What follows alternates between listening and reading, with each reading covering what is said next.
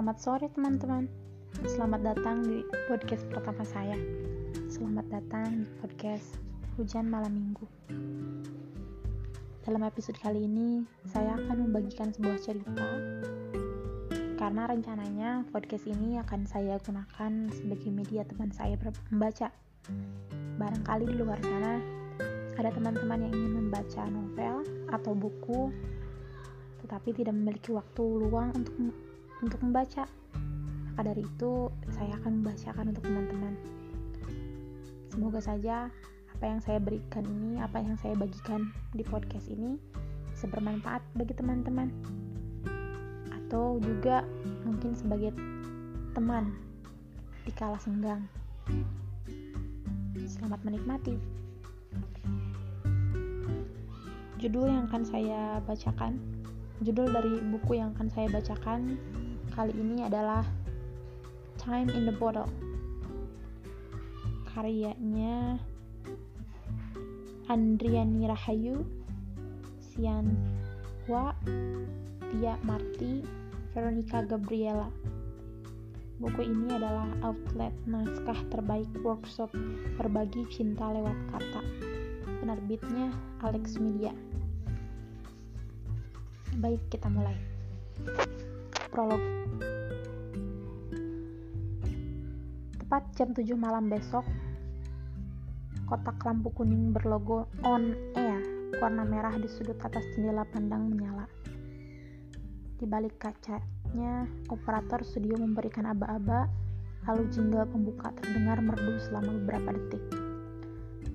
Man ong pang yu, tai kaho, kita jumpa lagi dalam acara Playlist Request The Taste of Our Lives bersama saya Aurora yang menemani kalian selama satu setengah jam ke depan.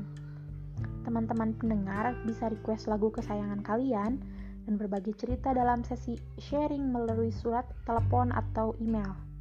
Stay tune terus ya, 97,5 FM Suara Indonesia dari Macau. Atau bagi yang berada di luar on-man seperti Taipan atau Kolonei dapat mendengarkan via streaming di www.suaraidm.mo. Oke, kita langsung saja ke tema malam ini. Pasti kalian sudah nggak sabaran mau tahu apa sih yang kita bakalan obrolin nanti. Sebelumnya, saya mau cerita dulu kalau hari ini adalah hari spesial buat suara IDM. Tahu kenapa? Dua tahun lalu, Suara IDM hadir sebagai radio swasta pertama berbasis komunitas Indonesia di Makau. Tepatnya tanggal 30 Agustus 2011. Setahun kemudian, playlist Request lahir. Sekarang, menyambut awal musim gugur di bulan September 2013, Suara IDM sudah punya lebih dari 1000 pendengar setia dari sekitar 3500 saudara kita sesama orang Indonesia yang tinggal di sini. Kerja ataupun kuliah, luar biasa ya. Suara jaya terus suara IDM. Semoga acara yang selanjutnya kami tim suara IDM sungguh dapat menyenangkan hati kalian semua. Di hari yang spesial, tentu tema berbagi cerita juga harus spesial. Malam ini kita akan bicara impian. Makau terkenal sebagai City of Dream banyak orang waktu datang pertama kali punya pandangan impian, punya segudang impian, dan mencapai semua itu nggak pernah ada jalan yang mulus. Namun, kita perlu percaya, sesulit apa pun kita harus bertahan sampai akhir. Bagaimana dengan kalian semua? Dari balik kaca, si operator terus memberikan nada dan tanda. Nah, sambil menunggu cerita tentang impian kalian, saya akan bacakan lirik lagu Lagu ini merupakan lagu lama yang spesial bagi saya. Berkat seseorang, saya bisa menikmati lagu penuh perasaan ini. If I could save a time in a bottle, the first thing that I'd like to do is to save energy every day until the entire pass away, just to spend them with you. Time in a Bottle by Jim Crow. Selamat menikmati. Si operator mengangkat jempolnya melodi gitar mengalir cepat menenggelamkan udara. If words could make wishes come true, I'd save every day like a treasure, and then again, I would spend I would spend them with you. Segitu dulu untuk prolog kali ini. Sampai jumpa di bagian satu. Bye bye.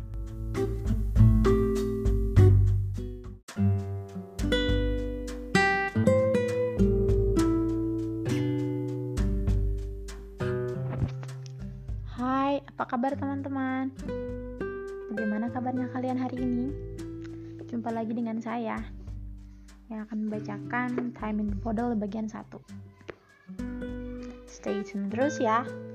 Yuk, mari.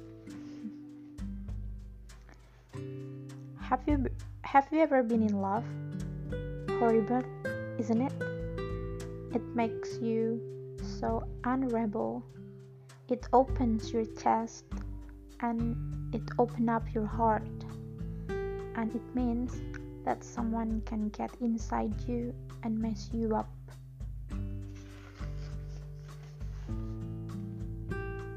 bagian 1 Rahel yang bernama Luka aku menghentikan langkah tepat di depan apartemen 203 Tangan kakiku membawa wadah tertutup transparan berisi kue tart penuh tumpukan coklat batangan di setiap sisinya.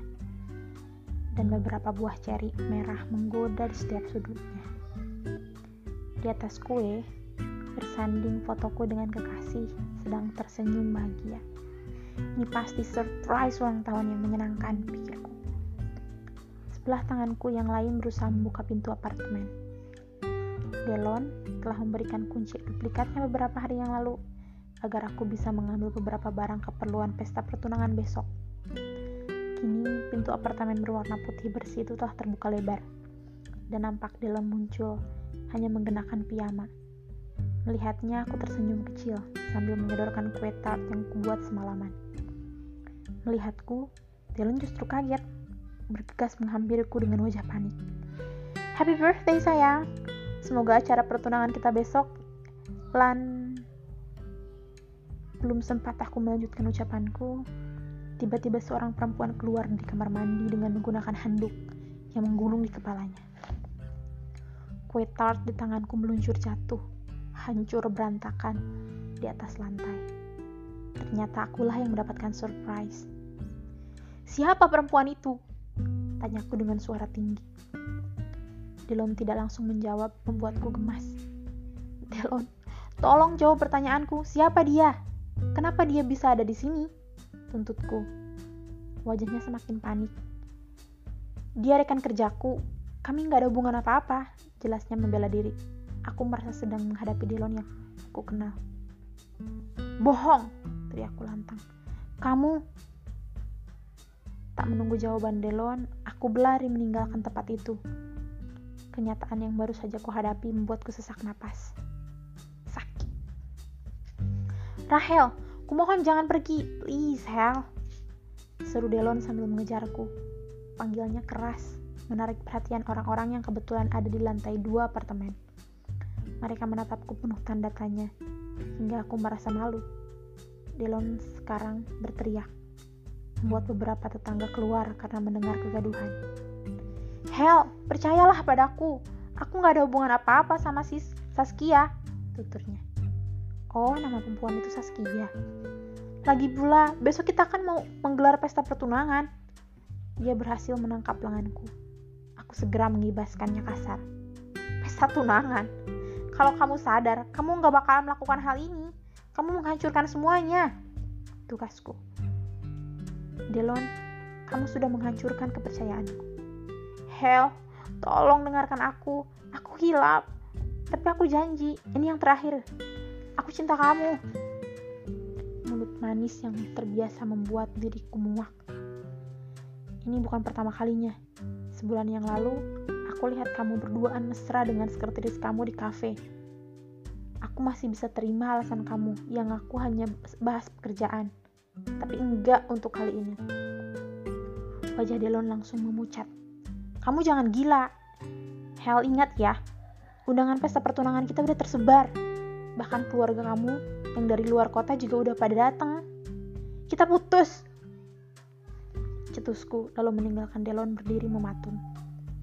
Hell, aku gak mau putus sama kamu. Hell, pikirkan bisnis keluarga kamu bisa bangkrut. Teriak Delon tidak terima. Saat hari pertunangan tiba, aku harus mengepak semua barang-barangku. Ayah marah besar karena keluarga Delon mencabut semua modal yang sudah ditanam di perusahaan milik ayah. Sementara banyak relasi kami memandangku dengan tatapan sinis, tetapi ada juga yang memandangku iba. Delon, kamu sudah menghancurkan impian keluargaku.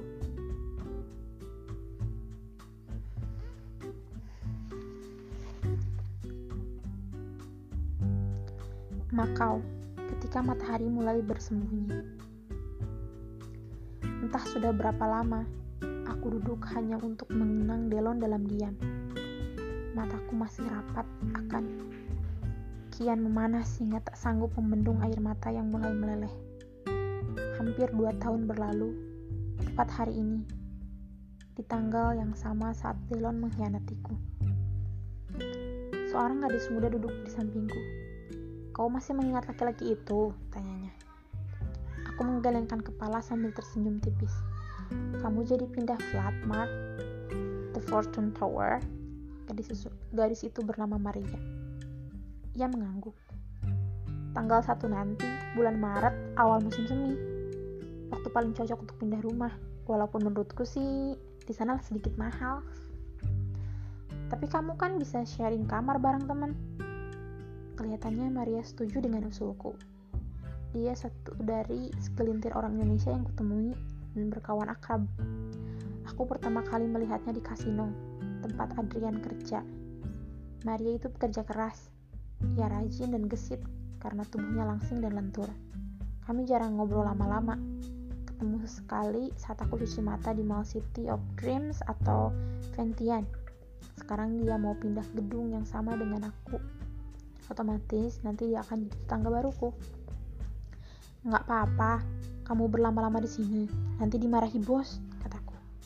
Sebentar lagi shiftku selesai kok, sahut Maria santai. Namun belum sempat kami melanjutkan terjadi kehebohan di dalam bakarat.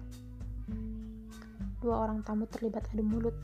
Maria pamit meninggalkanku. Dalam kesendirian, aku menarik napas panjang. Seharusnya pilihanku tinggal di kota mungil ini menjadi sebuah pilihan yang tepat. Jarak ribuan mil sudah kutempuh. Seharusnya aku bisa melupakan banyak kejadian buruk. Tapi rupanya kenangan enggan terbang dan memilih berputar. Begitu dan terus begitu, membuatku perlahan muak. Meja bakarat menjadi semakin ramai. Tak lama, terlihat sosoknya ku nanti menghampiri Maria. Tubuhnya tegap, menjulang, dan membuat dua tamu yang tadi mendadak ciut dan berhenti bertengkar. Sosok itu lalu menoleh ke arahku dan tersenyum lebar, membuat luka di hatiku lumayan tertambal. Demikian untuk bagian satu. Sampai jumpa di bagian selanjutnya. Terima kasih sudah mendengarkan. Bye bye.